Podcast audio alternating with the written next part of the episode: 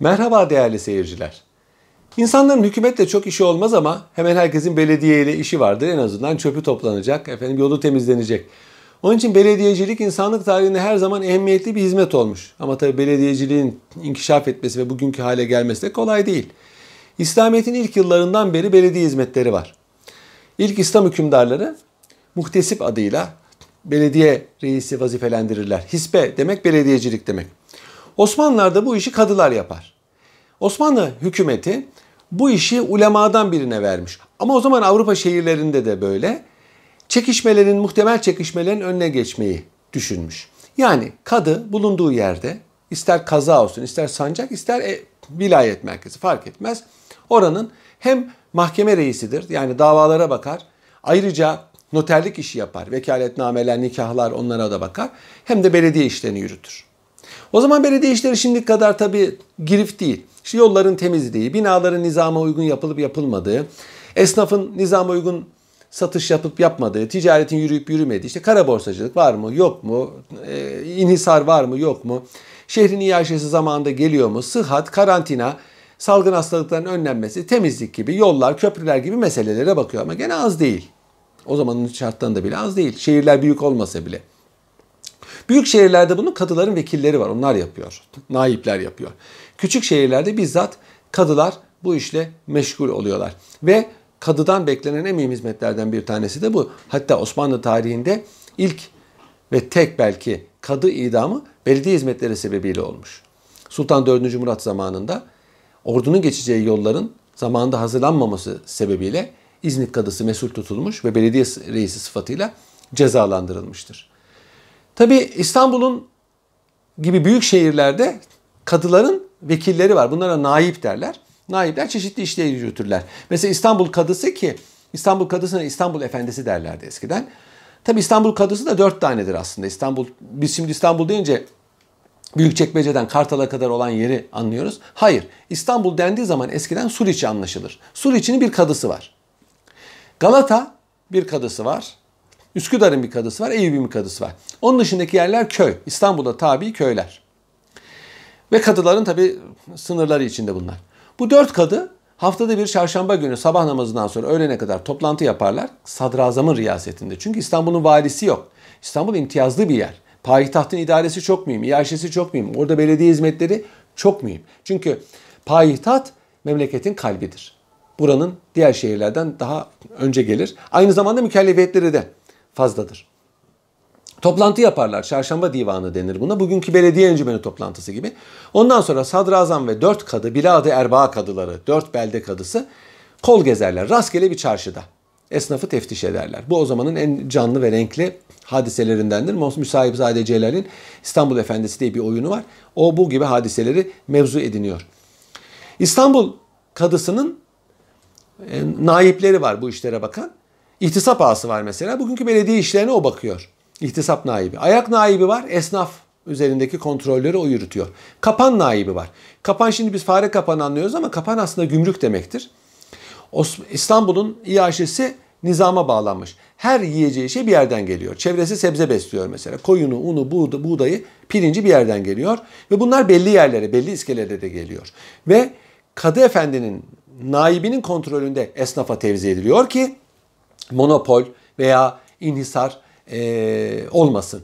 Ve aynı zamanda adaletli bir tevzi olsun. Halk zarar görmesin, pahalılık olmasın, kıtlık olmasın diye bu işlere bakıyor. Tanzimattan sonra daha doğrusu Sultan II. Mahmut e, belediye hizmetlerini ele aldı. Osmanlı Devleti'nin teşkilatını tekrar elden geçirdi. Bir ıslahata tabi tuttu. Onu yaparken kadıları da ele aldı. Kadılar da sadece mahkeme vazifesini bıraktı. Onlardan belediye vazifelerini aldı. İhtisap ağasını ayrı bir e, vazifeli olarak gördü. İhtisap nezareti kuruldu. Hatta bir de belediyeye bakan nezaret kuruldu. Ve bu işi yürüttü. İhtisap e, yabancı bir kelime değil Osmanlılara. Ta İslam devletlerinin başından beri var. Hatta ihtisap nizamnamesi var. Sultan II. Bayezid zamanında çıkarılmış. Dünyanın en eski belediye kanunudur bilinen. Mahruse-i İstanbul namı değil ihtisap nizamnamesi. Orada bütün İstanbul'un asayişinden esnafına kadar, temizliğine kadar her şey e, hükme bağlanmıştır. İşte sokaklara tükürmek, sokağa bir şey dökmek bunların hepsi yasaklanmış ve cezaya bağlanmış. Sultan II. Mahmud'un kurmuş olduğu ihtisap ağası e, ağalığı müessesesi bugüne kadar devam etmiştir ve İstanbul Belediyesi'nin nüvesi işte budur. Evet belki Türkiye Cumhuriyeti Osmanlı İmparatorluğu'nun bir devamı değil ama iyi kötü yürüyen ne varsa hepsi Osmanlı'dan kalmadır. Belediyecilik de Osmanlılardan kalmadır. Cumhuriyetlerinde değil kurulmamıştır. Daha eskilere tarihlenir. E, bu Sultan Mahmud'un kurmuş olduğu ihtisap ağalığı Sultan Abdülmecit devrinde şehremaneti adını aldı. Güzel bir tabir. Şehremini. Eskiden de vardı. Ee, İstanbul'un imar işlerine bakardı. İstanbul İmar Müdürü'ydü. Artık belediye reisine şehremini deniyor. Şehrin emini. Şehir emaneti. Enteresan olan bir şey var. Şehir meclisi var. Bu şehir meclisi halk tarafından seçiliyor. Ve şehrin bazı meselelerine bakıyor. Şehir emini de onların arasından hükümet tarafından tayin ediliyor. Belediye kanunda hüküm var. Bugün bile öyledir. Belediye reisinin ille seçimle gelmesi lazım değil. Yani hükümet bir mülki amiri yani kaymakamı, valiyi belediye reisi olarak tayin edebilir. Nitekim Cumhuriyet devrinde öyleydi. 1957'ye kadar e, tek parti devrinde de Demokrat Parti'nin ilk zamanlarında da belediye reisi hem İstanbul valisidir.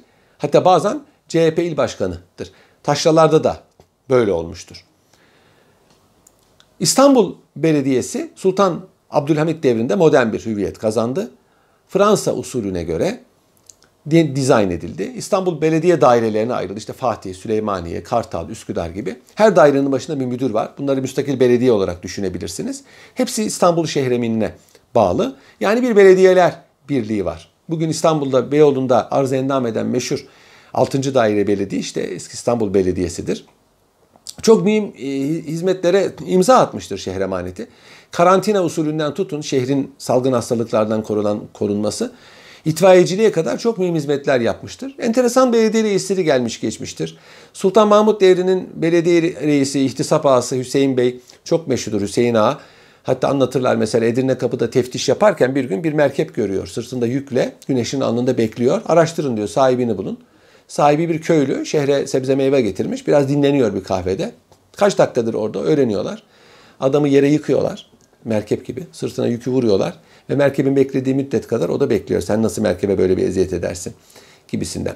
Ziver Bey'in ismi bugün e, bir semtte yaşamaktadır. Bazı belediye reisleri e, esnaf üzerindeki otoritesiyle tanınmıştır. Bazısı karantina üzerindeki tasarruflarıyla tanzim satış getiren belediye reisleri vardır.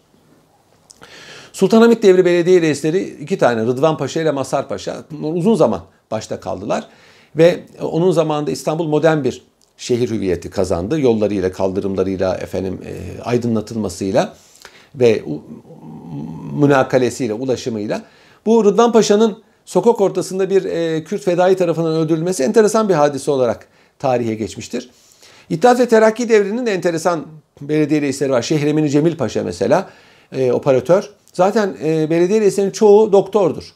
Gerek Osmanlı Devleti zamanında gerek Cumhuriyet devrinde e, doktor çok. Mesela Nurettin Sözen, Lütfü Kırdar, e, Fahrettin Kerim Gökay, işte Cemil Paşa, Emin Paşa vardı mesela.